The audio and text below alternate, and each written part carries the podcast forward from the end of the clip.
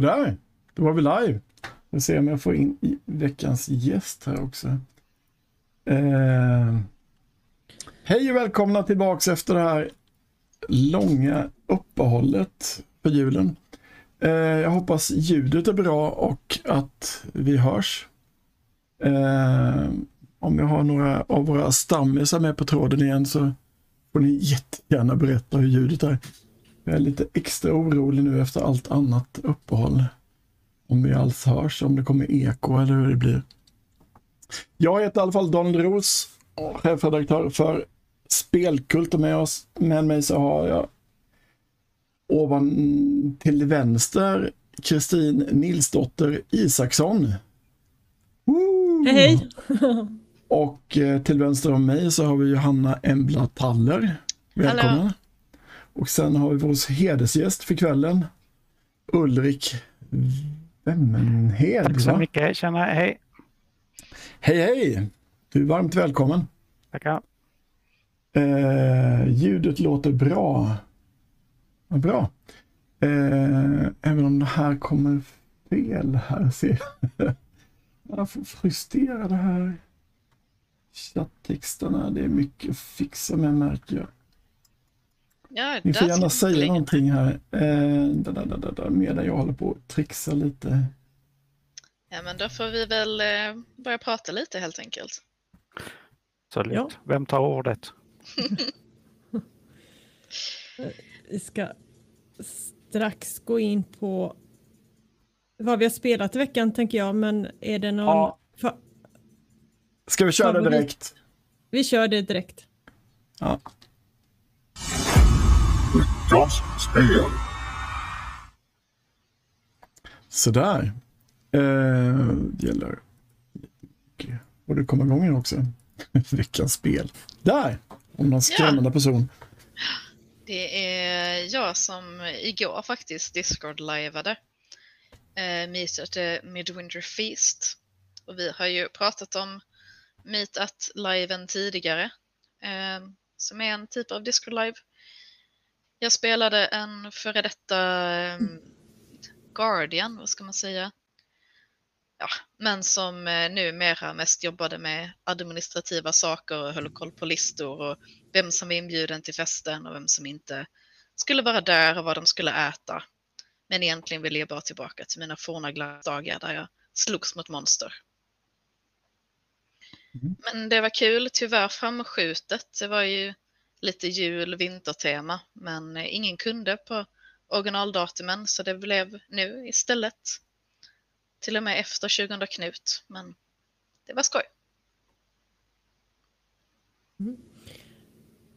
Sen så har jag försökt beta av min backlog med spel som man borde ha spelat. Eh, framförallt det som utsågs till årets spel förra året eh, Guardians of the Galaxy och lite andra.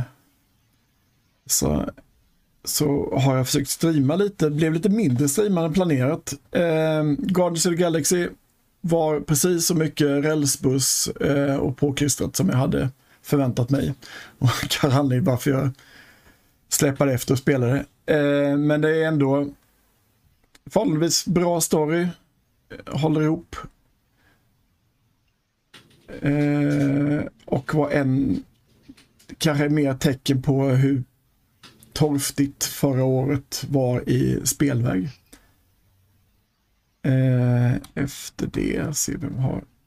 Då har mm. Casino varit igång.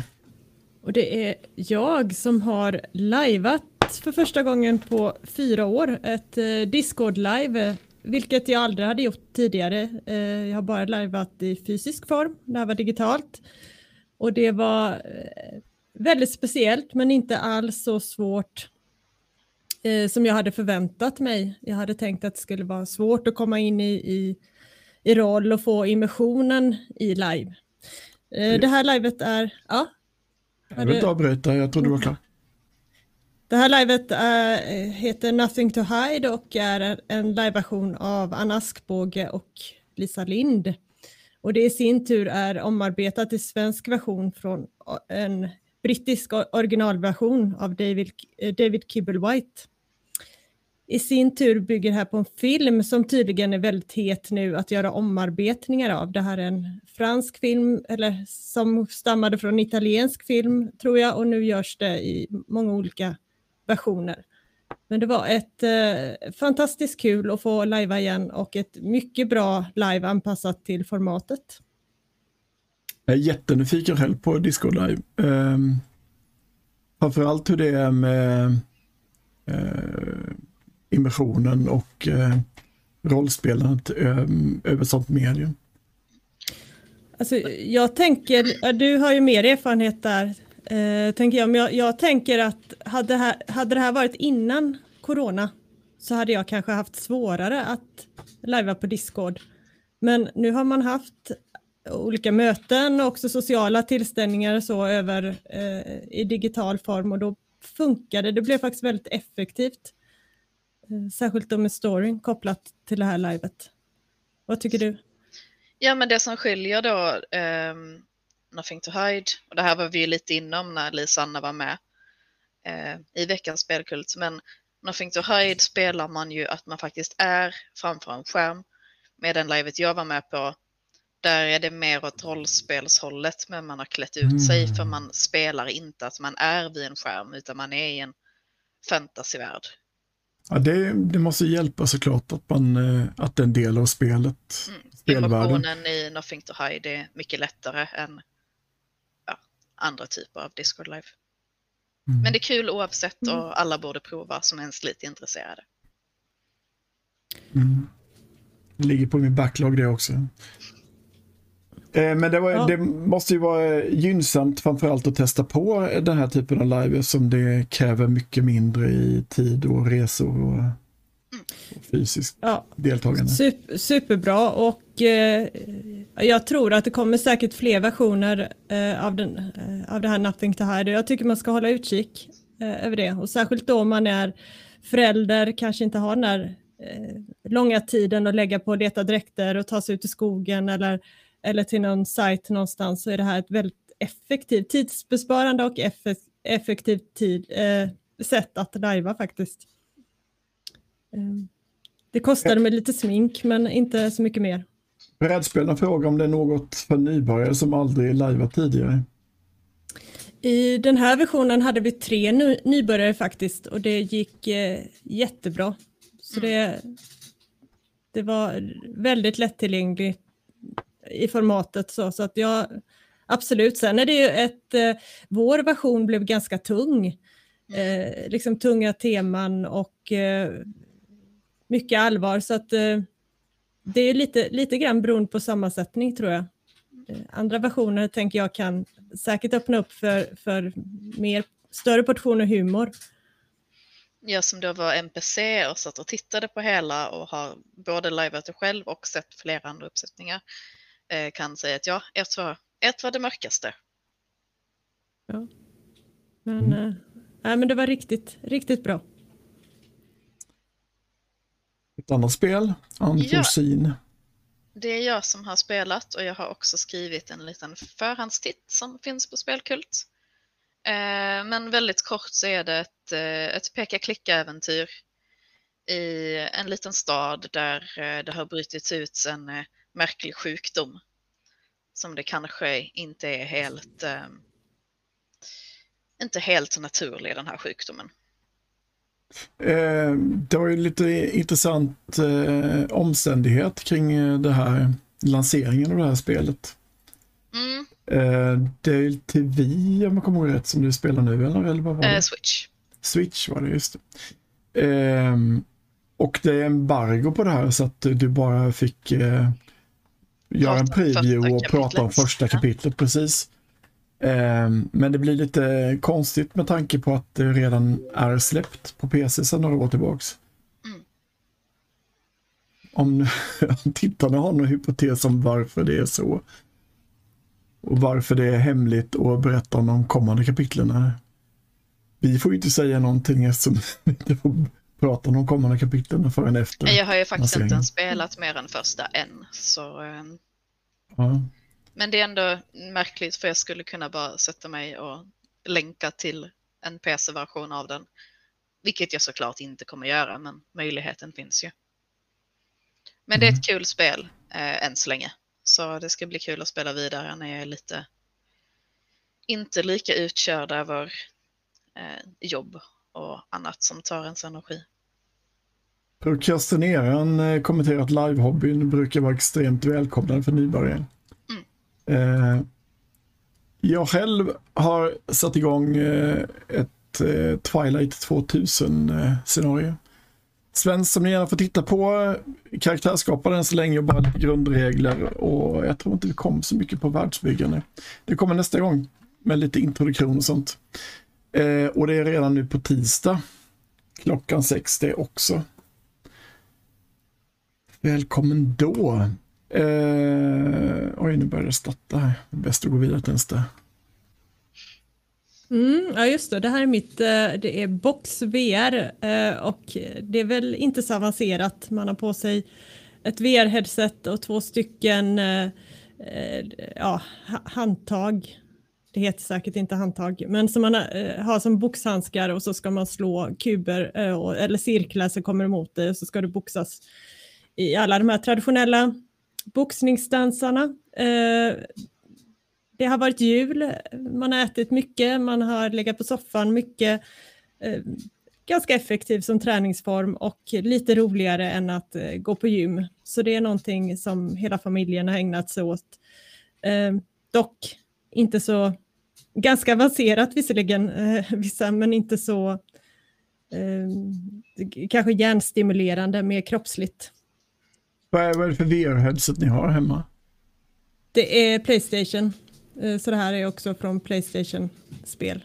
Ja, för lite relevant, vi kommer en nyhet om det sen. Eh, så det är bra ni experter, vi har ju haft en artikel om vi det tidigare också. Vi har en eh, gäst också som har spelat lite i veckan tror jag. Ja, jag har spelat ett par spel. Jag har inga sådana flashiga bilder, men jag har de fysiska spelen här. Jag har spelat spelet oh. Nations, The Dice Game. Det kan jag varmt rekommendera som en eh, snabbspelad eh, civilisationsbyggarspel. Eh, det är ursprungligen från ett original som bara heter Nations som, ja, olika åsikter kring det, men jag har inte så mycket för spel som tar 4, 5, 6 timmar att spela. Utan det här är en lagom variant, 20 minuter, 30 minuter ungefär, rulla lite tärningar, och svepande över historien. Jag tycker det är alldeles suveränt. Just Hur många spelare? Det är från mellan två till fyra spelare. Det går också att spela själv med en, eh, en modifikation som också finns på nätet där en spelar mot en relativt smart AI. Eh, det finns i ladan är också en variant av, av eh, Solo, men den är inte särskilt lyckad så att jag tror till och med att eh, skaparen själv har rekommenderat den här andra varianten som finns bland annat på, på Boardgame Geek-sidan. Um, och just det här att, att det inte är så jättemånga regler, det tar inte jättelång tid utan det är svepande och sen så får en ändå en eh, en, en känsla av de historiska vingslagen tycker det är ett av mina favoritspel. Sen, sen kuppar jag lite grann för att, ska vi se om jag når det härifrån. Jag har också så sent som i eftermiddags provspelat mitt nästa spelprojekt som är ett fotbollsspel. Det ser bara ut så här. Det är papper och det är allting är testvariant hittills. Så det är tärningar som jag klistrat dit och det klistret håller på att lossna. Men ett fotbollsspel. Eh, Självklart du ska kuppa. Förlåt? Självklart du ska kuppa. Gör man egna spel så är man värd att kuppa hur mycket som helst. Ja, men precis. Och det ser inte så representativt ut just nu. Allting är bara prototyper. Men eh, målsättningen är att få ett jättesnabbspelat fotbollsspel eh, som eh, också lyfter fram någonting som jag själv personligen tycker är så olyckligt med eh, att eh, damfotbollen får så himla liten uppmärksamhet. Så att i spelet så finns det vissa moment som lyfter fram damfotbollens ändå rika historia och många ikoner inom damfotbollen som inte får den uppmärksamheten och inte är så kända som jag tänker att de borde vara. Så att jag lyfter fram dem lite i det spelet också. Det är väl de två spelen jag har spelat veckan som har varit. Mm. Spännande. Eh, Ja. Då kör vi vidare. Veckans nyheter. se. eh, där. Eh, nu, nu kommer vi tillbaks. det blir lite wonky här. Eh, Fortnite har ju varit i eh, konflikt med Apple. Eh, och de har hittat ett sätt nu genom GeForce Now att kuppa sig in på iPhone ändå, trots att de är portade. Eh, GeForce Now som är en sån streamingtjänst som man kan köra spelen genom dem då. Och eh, då får de ändå ha sin betalning på sin egen plattform. Eh, som domarna ändå dömde till fördel för. Eh, så är ni sugna på Fortnite och har en iPhone så är det här en möjlighet för er att spela Fortnite. Eh, efter det så, med tanke på att prata om VR, så tänkte jag det var intressant att eh, Playstation VR släpptes. Jag tror inte jag har någon bild på själva headsetet, jag vet inte om det släppte än heller. Men eh, det har gått upp rätt markant eh, i upplösning i alla fall. Till 2000 gånger 2040 per öga, alltså 4000 totalt då. Eh, och det är dubbla upplösningen sedan tidigare och sen så har de även ökat bildvinkeln. Men det mer intressanta grejerna i det här nya det är att dels att de eh, lägger till eh, vibration on headset, alltså olika vibrationer man ska köra, känna saker som viner förbi och sådana saker så blir det mer immersivt att spela VR. Eh, jag hoppas inte de satsar på att man ska känna slagen när man blir träffad och så riktigt i ansiktet rakt av utan det är mer eh, vindpustar och grejer som andra har försökt satsa på. Dessutom så har de eh, en unik på en annan teknik. Eh, jag tror inte det med får vi ju eye tracking. Det säger för att kunna få upp mycket mer häftigare spel och eh, häftigare grafik eh, när man ändå kör VR så satsar man på en ny teknik som man trackar själva på pillen vad man tittar på. Och eftersom ögat är byggt som så att man bara ser skarpt på det man tittar på direkt så behöver de bara rendera, lägga all kraft på den lilla punkten man tittar på. Eh, och sen så rendera allt annat rätt oskarpt runt omkring. Så fuskar de sig till att eh, kunna få mycket bättre grafik på det sättet. Det blir intressant att se hur det funkar om man blir, får någon form av åkruka med den eller om den är snabb nog att hänga med. Eller att Eh, man kanske till och med skulle kunna ta bort den åksjuka som många upplever. Ja, blir, jag skulle vara jättenyfiken på att testa på det i alla fall. Mm. Eh, IGN har jämfört då med vanliga Playstation VR och så ser man lite eh, specifikationer och skillnader. Det enda som har mer bildvinkel i den här jämförelsen är Valve Index. Eh, men annars känns det som att Playstation är tillbaka på gamet och faktiskt har någon vettig VR-lösning igen. Eh, de ska ha fyra stycken eh, kameror på utsidan också som man ska ha någon så här eh, närhetstracking runt omkring. Det blir intressant. Eh, och här har de då en, en trailer då som de visar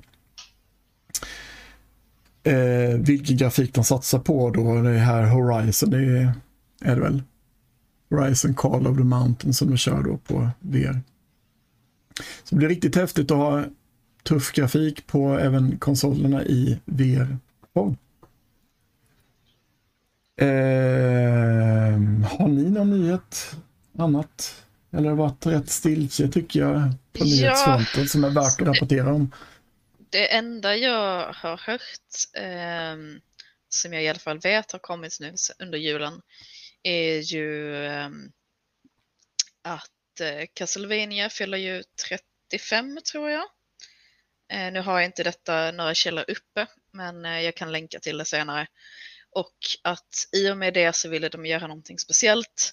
Men de släppte bara någon form av NFTs där du typ kunde få äga banor från de gamla spelen. Och det var liksom ingenting nytt. Inga nya spel, ingen ny samlarutgåva, utan bara lite bilder och någonting annat i en NFT. Och folk är ju såklart jätteupprörda över det här. Ehm, och om man vill veta mer om det eh, ur ett ganska negativt perspektiv så kan jag rekommendera eh, Jim Quisitions eh, video där James Tiffany Sterling går in ganska mycket i, i ehm, vad som har hänt och allting som är liksom konstigt och negativt med, med det här. Mm. Men det är väl ändå värt att nämna att ett så pass stort spel som så många människor gillar firar sitt jubileum på ett sätt som nästan ingen vill ha. Visst är det det. Kan tipsa om eh, vår nyhetskrönika också, eller nyårskrönika, nyhetskrönika. Vi försöker sammanfatta spelåret genom våra egna artiklar och eh, dess, de debatter som varit mest populära under året. Eh, gå in och titta på den och ifall någon kan leta upp en länk och posta i chatten så vore det önskvärt också. Kanske. Så gör vi lite reklam för oss själva. Eh, annars tycker jag vi går vidare. Veckans gäst. Hej igen Ulrik! Tjenare, tjenare, hej! Roligt att vara här. Tackar ödmjukt. Och det roligt att ha dig här. Tack. Ja. Ehm, hur, jag, jag, för jag vet inte riktigt hur formatet är. Vill ni att jag Nej. ska svara på frågor? Eller Jag hade ska... hoppats att Johanna tog över lite eftersom hon bjudit Ja, in eh, jag skyller på mycket på jobbet och att ha haft covid för att jag inte är så förberedd som jag borde vara. Eh, men eh, kan ju börja med att du kan berätta lite om dig själv. Eh, till att börja Absolut. Absolut. Jag heter Ulrik och eh, jag har gjort egna spel sedan eh, barnsben och eh, har minnen från föräldrarna tvingades spela dem. Ganska fruktansvärda spel kan jag tänka mig. Fruktansvärt dåliga, kanske inte tematiskt fruktansvärda. Men, men jag och en granne, vi redan i lågstadiet började skapa egna spel. Och Ehm, just brädspel, eh, dataspelsvärlden har jag ju nästan ingen kunskap om överhuvudtaget. Ehm, och ehm, jag har ju gjort ett par spel eh, tidigare och här som gäst nu för att jag har gjort ett nytt spel som handlar om rösträtten som heter Suffrage. Som handlar om rösträtten i eh, Storbritannien och Irland som då var en union tidigt 1900-tal. Och eh, fånga just, för det, det jag tänker alla rösträttskamper så är just den brittiska säkerligen det mest ikoniska med till exempel suffragetterna. Och eh, jag kan ju eh, bara ställa frågan till er, känner ni till suffragister? Vad känner de i chatten till suffragister? Nej, jag har inte, alltså det är suffragetter man har, hört, men eh, jag har nog hört det, men det var väl två olika falanger, eh, möjligen. Eh, jag vet inte om jag har rätt, eller om jag har. Ja, men, eh, exakt så är det och det finns en anledning att nästan ingen, känner till suffragisterna därför att ska vi ta det lite hårt så är de historiens förlorare och suffragetterna de som Eh, har kommit, gått vidare i historien för, för eh, suffragisterna var den stora eh, mängden, de var säkert tio gånger så många som enkom använde uteslutande fredliga metoder. Eh, Så att det var väldigt lång, långa brevkampanjer. De försökte att övertyga varje enskild parlamentsledamot du måste eh, ge eh, eh, rösträtten till kvinnor på grund av argument och så där. Och De hade långa kampanjer utanför parlamentet och så vidare. Och det- åren gick, och det började ju redan 1800-talet, alltså åren gick tiotals år, 20 år. Och sen i början på 1900, 1905 däromkring så bildas det en liten klick och det var inte många, ett par hundra personer till en början eh, som, okej, nu måste vi få till rösträtten. Vi, vi, vi märker att det funkar inte, folk lyssnar inte på oss, parlamentarikerna lyssnar inte på oss. Så vi tar till vad medel som krävs för att vinna rösträtten. Um, och som då gick över liksom vad många tyckte över en, en, en gräns och började med eh, sabotage, inslag av våld, slog tillbaka mot polisen Eh, och sen så till, och gick också så långt som eh, med brände ner kyrkor, brände ner hus för parlamentsledamöter. Och det var ju också ett par personer i rörelsen som, som gjorde så djärva saker så att de omkom eh, i, i sin, sin kamp för rösträtten. Och det är då suffrag, suffragetterna, som, ja, den här våldsamma delen som fick nästan all uppmärksamhet på nästan ingen tid alls, massor med uppmärksamhet. Och än idag råder det delade meningar, både då var det delade meningar men också historiker idag råder det delade meningar huruvida den här våldsamma, väldigt uppmärksammade eh, eh, klicken om den skyndade på processen eller om den faktiskt hämmade processen att kanske den fredliga metoden ändå hade vunnit rösträtten tids nog. I Storbritannien så, så kom den ungefär samtidigt som oss 1918 så att det är ungefär jämnt med, eh, med Sverige. Och visst var det så att här i Sverige eh, så var det ju också väldigt viktigt att det skulle vara inte våldsamt just för att det fick så dåligt rykte eh, med alla kvinnor som eh, ja, men, begick våldsdåd och mm. ja, begick faktiskt ganska hemska handlingar. Eh, jag är absolut ingen expert, men som jag förstått så var det betydligt fredligare i Sverige. Absolut. Mm. Hela Fagerstadsgruppen, det, är, det är ett forskningsfält i sig. Som, precis, jag är inte någon expert heller, men, men, men i den, den svenska eh, rösträttsrörelsen hade inte den här uppdelningen mellan den vålds, i all sammansätt den våldsamma falangen och den fredliga falangen. Utan där i, i Sverige handlade det mer om ett jämkande med arbetarklassrörelsen och det perspektivet med rösträtt till alla, även de männen som tidigare inte hade rösträtt. Och betydligt fredligare historia såklart. Absolut. Vi har ju lite bilder som eh, vi skulle kunna ta fram. Dels har vi då... Just det. Eh, bam, bam, bam, eh, och då får vi byta till där. Eh, och här är själva spelet. Men ska vi gå in på spelet direkt eller? Mm. Ja, men det kan vi mm. väl göra. Mm. Ja, jag, jag, kan berätta då, det ni ser här på bilden, det är varje spelare iklär sig rollen, sätter, sina, sätter sig i skorna på en känd historisk ledare för rösträtten och eh, som har lite olika inriktningar och, och, vissa av dem lite mer kända än andra.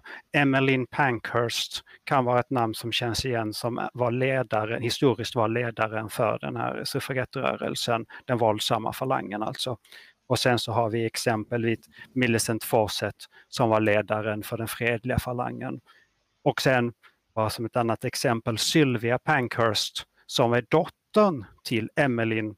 Men de hade också en konflikt som slutade med att dottern blev utesluten ur suffragettrörelsen därför att dottern Sylvia, hon var övertygad kommunist och för henne var det jätteviktigt att rösträtten gavs till all, eller vanns till alla kvinnor. Ska vi bara kämpa för rösträtt för några kvinnor, kan det lika gärna vara. Vi ska vinna rösträtten till alla kvinnor. Vilket Emmeline Pankhurst, och det kan väl sägas i, i, i det stora hela, det var inte bara Emmeline Pankhurst, både den fredliga suffragiströrelsen och den våldsamma suffragettrörelsen var överlag eh, rösterna som, som fanns för eh, eh det, föregångspersonerna och de som förde talan, överklasskvinnor i väldigt, flash, väldigt flashiga hattar. Och det är någonting som jag har tagit fasta på i det här spelet också. Det, det, det är väldigt stora flashiga hattar. Men i alla fall, deras intresse låg inte bland, bland arbetarklassen så att de, de var nöjda med att vi vinner rösträtt till de kvinnor som äger gods och så vidare och så är vi nöjda där. Så att det är också en aspekt i spelet, förutom eh, den fredliga visavi den våldsamma delen, så kan du också välja huruvida du vill försöka vinna rösträtten för överklasskvinnorna eller också inkludera arbetarklasskvinnorna.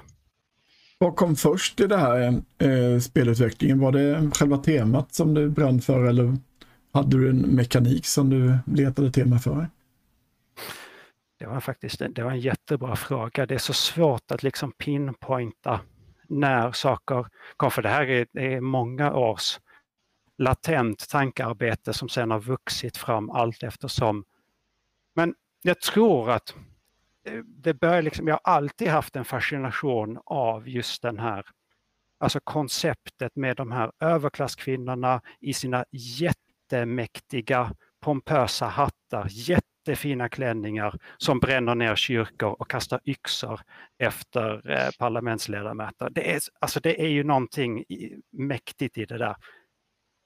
Så jag var ganska säker, liksom, eh, jag, jag måste göra någonting kring det här. Plus att nu med, med tanke på de, de allt fler eh, länder har ju de senaste åren firat 100-årsjubileum och sådär. Och det är så himla viktigt med Alltså rösträtten är ju verkligen en, en, en hörnsten, en grundbult i all demokrati. Eh, brädspelaren frågar om det är det här ett mer utbildande spel eller vad är det för mekanik som används? Du låter ju som eh, någon som vill eh, ha både bra spelmekanik och bra tema i dina spel. Ja men precis och det har ju varit jätteviktigt för mig att jag också eh, erfarenhet och det tänker jag att vi alla har erfarenhet av till exempel i skolan eller liknande miljö. Vi har spelat något brädspel som ska lära ut någonting om Napoleon eller om eh, eh, eh väx, växthusgaser eller vad som helst som är så fruktansvärt tråkiga. De är jättedåligt gjorda. för De, det är liksom bara, hur kan det komma sig att vissa är taskiga mot andra? Diskutera i grupp. Och sen så, det blir inte bra.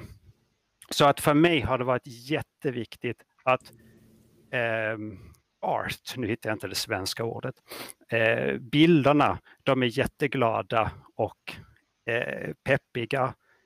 Eh, att spelmekaniken är snabb och spännande och, ehm, och sen så eh, om jag visar ett kort bara som exempel. Det här texten, det finns liten, liten text allra längst ner som ger en historisk... Ja, okay, det är nu. lite dålig... Eh... Ja, det är lite dålig upplösning lite kanske. På Men, Men jag tror att om du byter bild igen Daniel så kan man se korten bättre på nästa bild. Ja, precis, det där har vad duktig du är. Ja. Och det, eh, som så kanske sägs, eh, det är lite, lite text allra längst ner på eh, korten och det är den historiska kontexten. Det är en rad eller två som berättar om den här historiska demonstrationen eller vad som hände den här, det här årtalet och utifrån vad som beskrivs. Men det har ingen spelteknisk funktion. Du behöver inte kunna någonting för att spela spelet. Eh, eh, det är inga quizar, det är inga diskussioner och fundera över detta. Hur kan det komma sig att det är så här? Utan det har varit jätteviktigt för mig. Det ska vara ett snabbt, roligt spel som funkar att spela både med farmor och med eh, eh ja, 10-12 kanske ungefär ålder.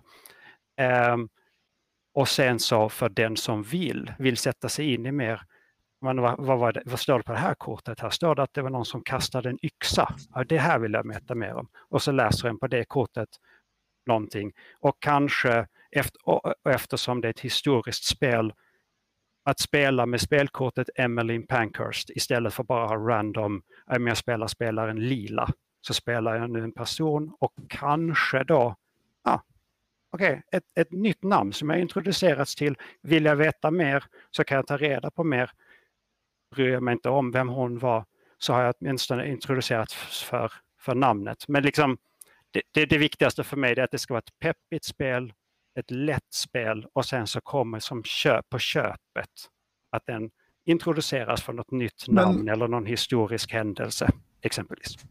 Vad är, vad är grunderna mekaniskt i det hela? Är det ett worker placement eller är det svårt att uttyda av ja, bilderna?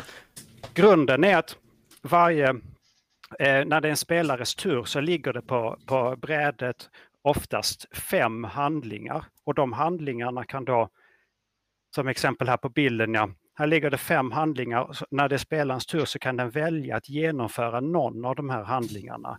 Och då kan det vara en stor demonstration eller eh, en, namnet på en tidning eller någonting som då ger supportrar i en av de här fyra färgerna eller fyra eh, supportergrupperna. Vi har alltså de våldsamma suffragetterna, de fredliga suffragisterna, vi har överklasskvinnor och vi har arbetarklasskvinnor som är alla representerade av en färg och specialgjorda, specialbeställda eh, meeples med extra stora hattar allihop.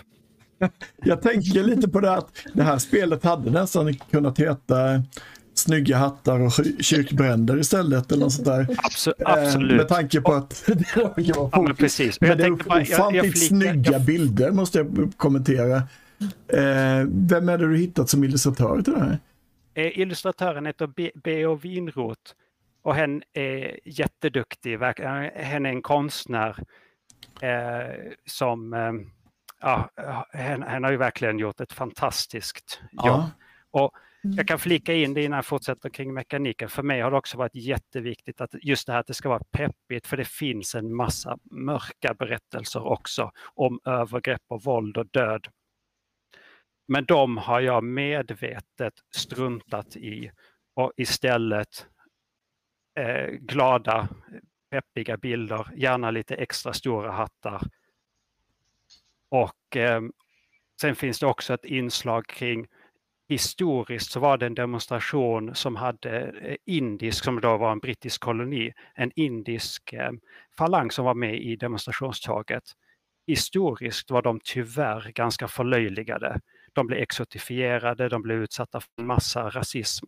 Men i mitt spel, jag har gjort en viss historierevisionism där, för jag har lyft fram dem som en jätteviktig del av rörelsen och det går att spela en, eh, en av de här eh, kvinnorna också som sin karaktär. En kvinna som var en indisk över, superhäftig, indisk överklass prinsessa, svinrik, som sa att jag kommer vägra betala skatt tills jag får rösträtt. Och det är så jäkla häftigt, fasiken vad mycket pengar det var handlar om. Liksom. Så hon startade, hon och flera startade en, en rörelse kring just det. Äh, vi vägrar betala skatt tills vi blir erkända som medborgare och får rösträtt. Eh, tillbaka till mekaniken. Det finns olika kort på spreadet som en väljer och varje handling som en gör till exempel om en väljer hatchet attack, bara för att ta exempel, yxattacken, en våldsam handling, ja då vinner en supportrar från den våldsamma falangen, men den tappar samtidigt supportrar från den fredliga falangen. Så alla handlingar ah, Så det lila är våldsamma och gröna är fredliga? Exakt. Okay. Så att den vinner en del av en typ av supportrar, en tappar samtidigt en annan. Och då handlar spelet om att vilken väg ska jag gå? Och utifrån vad mot, medspelarna eller motspelarna, beroende på hur man ser det, väljer, finns det vägar och supportergrupper som blir över som jag kan välja. Om ingen satsar på överklassen, ja men då är det kanske det är min ingång i det här spelet för att snabbt kunna välja de handlingarna och vinna massa supportrar där. Mm. Hela tiden den här balansen och det är spelmekaniken. Eh, jag, jag vinner en sorts supportrar, jag tappar en annan. Vilken ska jag satsa på? Är upplägget linjärt så att det utspelas över en viss tidsperiod och så slutar det? Eller uh, när går man i mål så att säga? När man har vunnit över flest supportrar? Eller? Ja, en, en, en, det, så här, det är inte linjärt i betydelsen att det är historiskt. Kortet från, som, eh, som handlar om en händelse 1915 kan komma före det kortet som är från 1905. En helt enkelt bara blandar alla korten och så drar de en i ordning. Och det finns inget historiskt linjärt i att har du, spelar du karaktären Emmeline Pankhurst som historiskt var ledaren för de våldsamma så finns det ingenting som säger att du måste göra det i spelet heller utan det är mer en kontext som du kan välja att följa eller inte följa. Däremot så slutar spelet alltid med att rösträtten vinns. Det är bara frågan hur lång tid det tar och vem kommer att komma dit först. Men det kan misslyckas ett par gånger, någon kommer till slut att vinna rösträtten. De här eh, männen, och det är en kortlek som består av män i parlamentet Och andelen som röstar ja kommer till slut att bli tillräckligt stor så att de kommer att, en kommer att vinna rösträtten. Mm. Och, som historiskt, det, det krävdes ett antal försök. Första gången, jag skulle vilja påstå att första försöket var redan 1910 och eh, som slutade i besvikelse och också två kvinnors död. För att det blev eh, våldsamma upplopp i, i, i, för, efter de här besvikelserna att, att de inte vann sin rösträtt. Och eh, sen först då, eh, långt senare så vanns rösträtten. 18 februari 1918 för att vara helt korrekt. Hur lång tid har det tagit? Du sa att du har gått och tänkt på idén i, i länge och sådär, men hur lång tid har det tagit dig och eh, ja, komma på spelmekaniken och komma på spelet? Ja, kanske fem års tid att tänka det här skulle jag kunna, först att formulera tanken, det här skulle jag kunna göra ett spel av. Och sen en grovhuggen plan. Eh, grovhuggen testversion, finns ju ingenting kvar av den såklart, allting ändras längs vägen men, men ungefär fem år kanske. Och sen det senaste ett och ett halvt året har varit konkret med testgrupper, tryckeri, konstnär, grafisk design och så vidare och kontakter och så där. Så att ungefär ett och ett halvt år. Ja, ungefär så för, för att få det fysiskt, produkt, att liksom ha det i handen. Och innan dess eh, test, testgrupper, eh, regeltestningar, olika versioner som jag eh, ratar den ena efter den andra och sen eh, eh, den ena idén efter den andra och så ändras idéerna och sen så har det landat i det här. Brädspelaren kommenterar, det låter jätteintressant. Hur distribueras spelet? Finns det någon digital print and play-version? Det finns ingen digital version. Eh, främst för att jag har ingen aning hur det går till att skapa digitala eh, varianter. Eh, spelet går att beställa via eh, min hemsida. Ehm, och... Du kan jag lägga till en länk till i chatten. Kan... Jag slänger in den. Och spelet är helt på, på engelska, utspelar sig i Storbritannien och på eh, Irland. Och vill en, är intresserad så kan ni också gå in på, sin, på min hemsida och kolla mer bilder och texter och så vidare. Um, och distributionen, just nu det är framförallt från mitt lilla och det är i princip alltså den krassa verkligheten för är ju att nästan ingen som gör brädspel tjänar direkt några pengar på att göra brädspel. Utan då mm. krävs det att vara en av de där promillen som är jättekända namn och som gör spel som säljs över hela världen i miljonexemplar. Så eh, det är ungefär ett nollsummespel eh, det här. Och jag gör det för att jag tycker det är så jäkla häftig period, tidsperiod och det var det... väl en av huvudtankarna. Just den här när, när den här poletten trillade ner med ja, men alltså, de här mäktiga hattarna. Jag kan, jag kan göra någonting av de här Nej, Du säljer nästan in mig på det här nu. Jag måste, ja, det... bara för hattarnas skull och de här våldsamma attackerna med hattarna. Eh... Jag vet ju också att du sa att det finns ju inga andra eller moderna brädspel eh, som handlar om det här. Sant, eh, tack.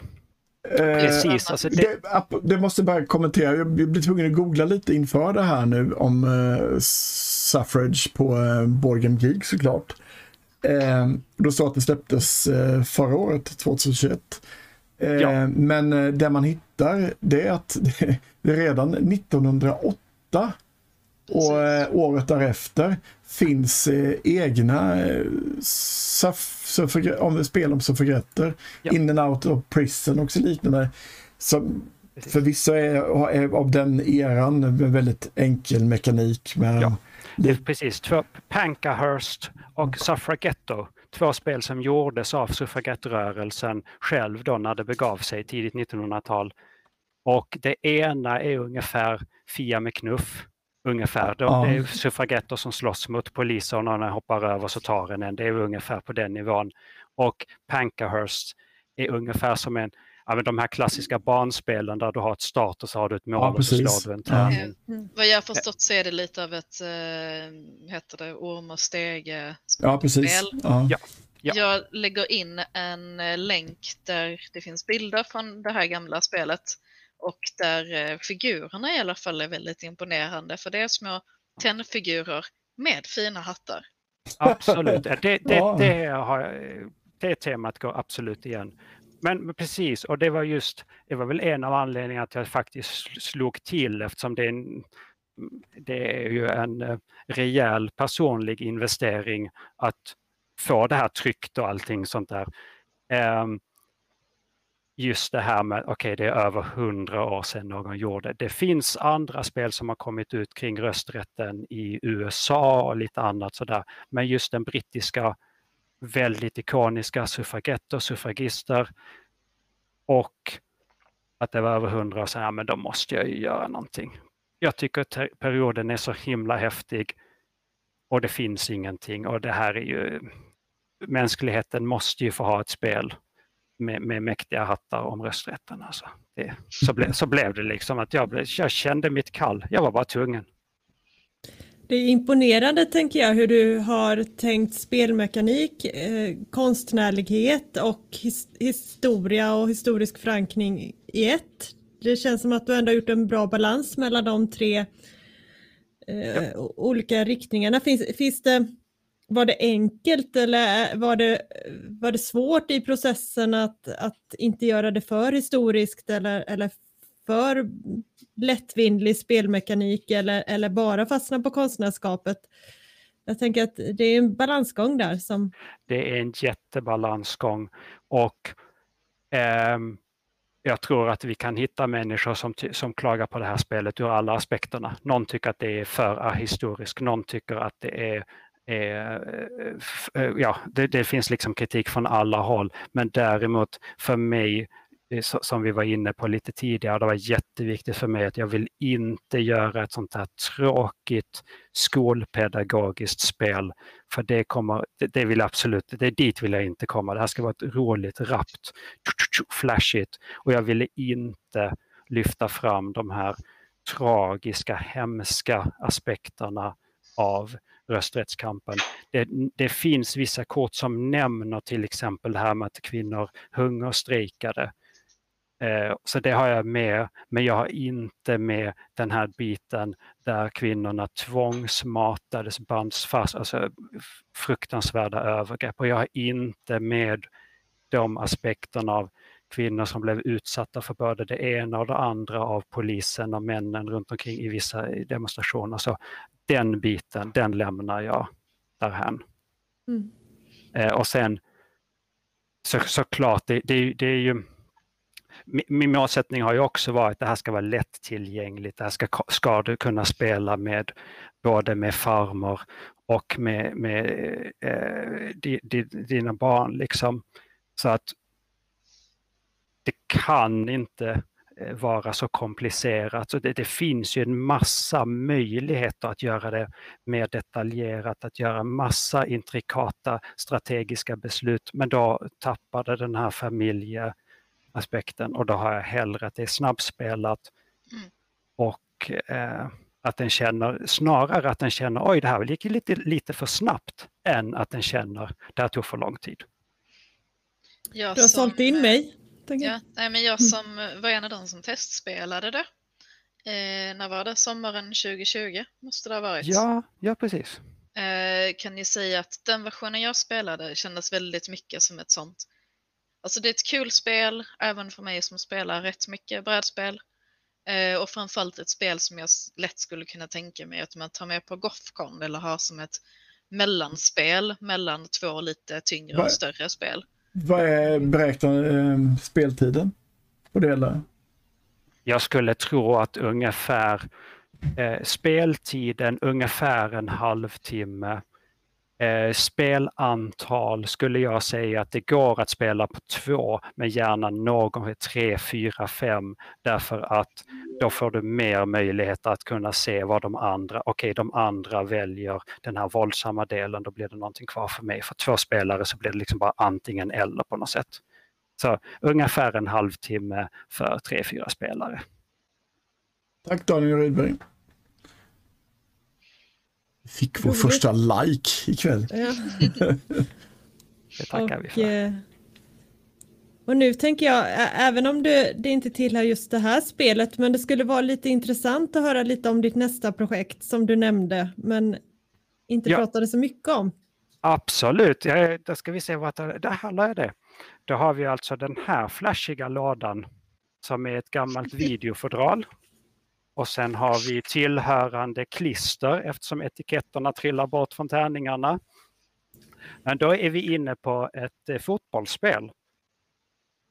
Och är det också någonting du brinner väldigt mycket för, måste jag höra först? Förlåt? Är det också ett tema du brinner väldigt mycket för, måste jag höra först? Eh, är du stor eh, fotbollsfan? Jag, jag, jag, har ett intresse för fotboll, absolut, men framför allt så tänker jag att eh, den röda tråden i mina spel är alltså någon sorts orättvisa som jag vill belysa på något sätt. Tidigare spel, jag har, kvinnofrågor var ett spel, det, det, finns inte längre, det var många, många år sedan jag skapade det, så var ett quizspel kring historiska kvinnor och transpersoner genom världshistorien. Många personligheter som jag tycker borde ha mer uppmärksamhet. Nu börjar jag prata om det andra spelet istället, men i alla fall som bara som ett exempel att jättemånga källor till Albert Einstein, relativitetsteorin. Väldigt få känner till den betydelsen som Mileva Maric, frun, hade på samma teori. Och det är liksom, det finns en diskrepans där, en, en orättvisa som, som eh, jag ville belysa. Det gjorde jag med det där andra spelet och med det här fotbollsspelet så vill jag ha, jag är inne på snabbspelade, lätta spel, ett actionfyllt fotbollsspel som också eh, på bilder lyfter fram det finns en jäkla massa coola kvinnor som har spelat fotboll långt innan eh, första VM spelades för kvinnor 1991, första VM för herrar 1930, bara där 60 års skillnad. Men funnits massa kvinnor som har spelat jäkla häftig och bra fotboll långt tidigare. Och jag gör mitt lilla, lilla, lilla strå till stacken om att eh, dels göra ett jätteroligt fotbollsspel, men också nästa gång någon gör någon sån här på Youtube, Top 100 players, football players through all time, så ska det finnas med ett gäng kvinnor också, inte bara de här männen. De är jätteduktiga de också, men så att det är liksom, det är två, två i ett. Mm. Jätteviktigt, kul spel, också någonting som har någon sorts vikt, viktighet i sig. Och det är på När... teststadiet, så om någon är intresserad av att testspela så kan den också skicka iväg ett mejl. Vi har en testversion i, där jag bor, i Umeå, och jag har på gång att klistra ihop en testversion som jag kan skicka runt i landet också. Spännande. N när tror du att du släpper det här spelet? Ja du, eh, fem år. Med, med tanke på den processen det tar att bygga upp eh, tillräckligt med pengar för vad det kostar. Jag har ju stått för allting själv, det här spelet. Och, så att jag måste, eh, måste men alltså jag säljer klart det här plus minus noll och då också kan jag investera de pengarna i det andra spelet och sen med test grupper så jag vill ju att det ska bli ett bra spel, det ska inte vara något halvgjort. Så att jag, jag har ingen, det finns liksom ingen tidsplan, utan jag har inte de pengarna att röra mig med att jag bara eh, det är om det kommer in någon sponsor eller någonting sånt där och, och, och det jobbar jag också med att hitta lite så. Vi får se. För du kör ju inte på crowdfunding. Alltså, crowdfunding, jag skulle kunna köra på crowdfunding tror jag. Problemet är bara att det krävs så himla mycket för crowd. Ja, min upplevelse är att det krävs mycket på crowdfunding också, alltså mycket förarbete mm. med grafisk design och med digitala versioner. Eh, så att det är möjligt att eh, det landar i crowdfunding. Men då tror jag ändå att det är ett antal år bort med. Jag vet helt enkelt inte. Jag tar det som det kommer. Jag tänker annars att tiden är lite mogen för att det skulle kunna finnas potentiella investerare i ett sånt här spel.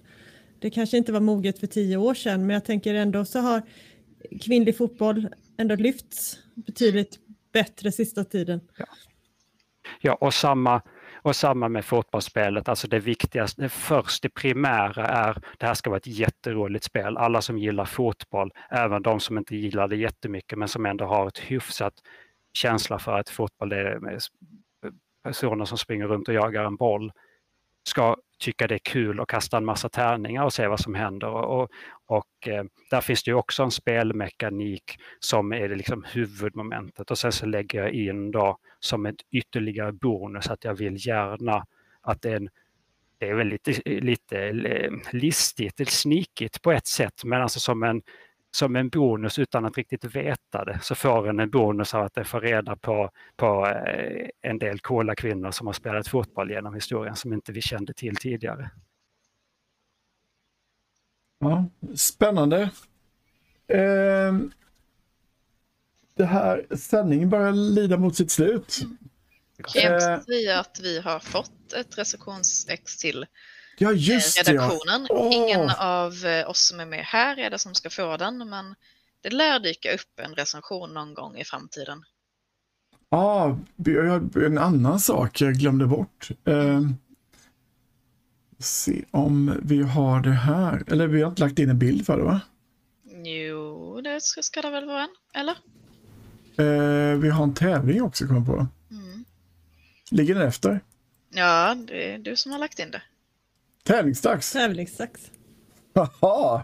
Eller ja, det är ingen, ingen bild på själva spelet. Nej. Nej. Men eh, vi tänkte... Vi fick eh, möjlighet att lotta ut ett eh, suffragettspel, om jag förstår saken rätt. Ett sånt här, färdigt. Inplastat. Doftar eh, fantastiskt brädspel när man öppnar det. Eh, och eh, mitt förslag är att den som först svarar med vilket år som kvinnor fick rösträtt i Storbritannien. Det har vi sagt under kvällens sändning redan. Mm. Och såklart inte någon från redaktionen som får vara med och tävla, tyvärr. Även om man byter namn så får man inte vara med från redaktionen. Så har vi någon som är med här nu på hugget och skulle vilja ha ett, eh, ett färskt brädspel. Och, och, och, för, för att eh, lite historisk nörderi, då pratar vi om den eh, officiella mm, rösträtten, för, det var första gången, sen var det tio år senare som alla kvinnor vann rösträtt. Brädspelaren svarar 1918 tror han. Exakt. Det stämmer. 18 eh, februari. Och då har vi vinnaren. Grattis! Grattis! Jag tror till och med jag har en sån här. Applåder! Jubel! Och du kan ju höra av dig med eh, uppgifter till oss och vidarebefordrar vi dem Absolut. till Ulrik. Mm. Annars så eh, tackar jag. Aha, det, jag får skämmas att jag inte redan visste detta årtal innan. Er livestream dock, men då har vi lärt ut någonting, eller du har lärt ja. ut. Eh, rösträtt i de olika länderna. Eh, men eh, jag får tacka för oss eh, och den här första streamen och vi kommer naturligtvis vara tillbaks igen redan nästa söndag. Eh, med en spännande gäst hoppas jag. Jag har inte riktigt fått det klart än fullt ut. Eh, så önskar jag en eh, trevlig fortsatt söndag. Så syns vi senare. Eh, se om jag kan få igång en sån här avslutning. Tack och hej! Hej då! Hej då!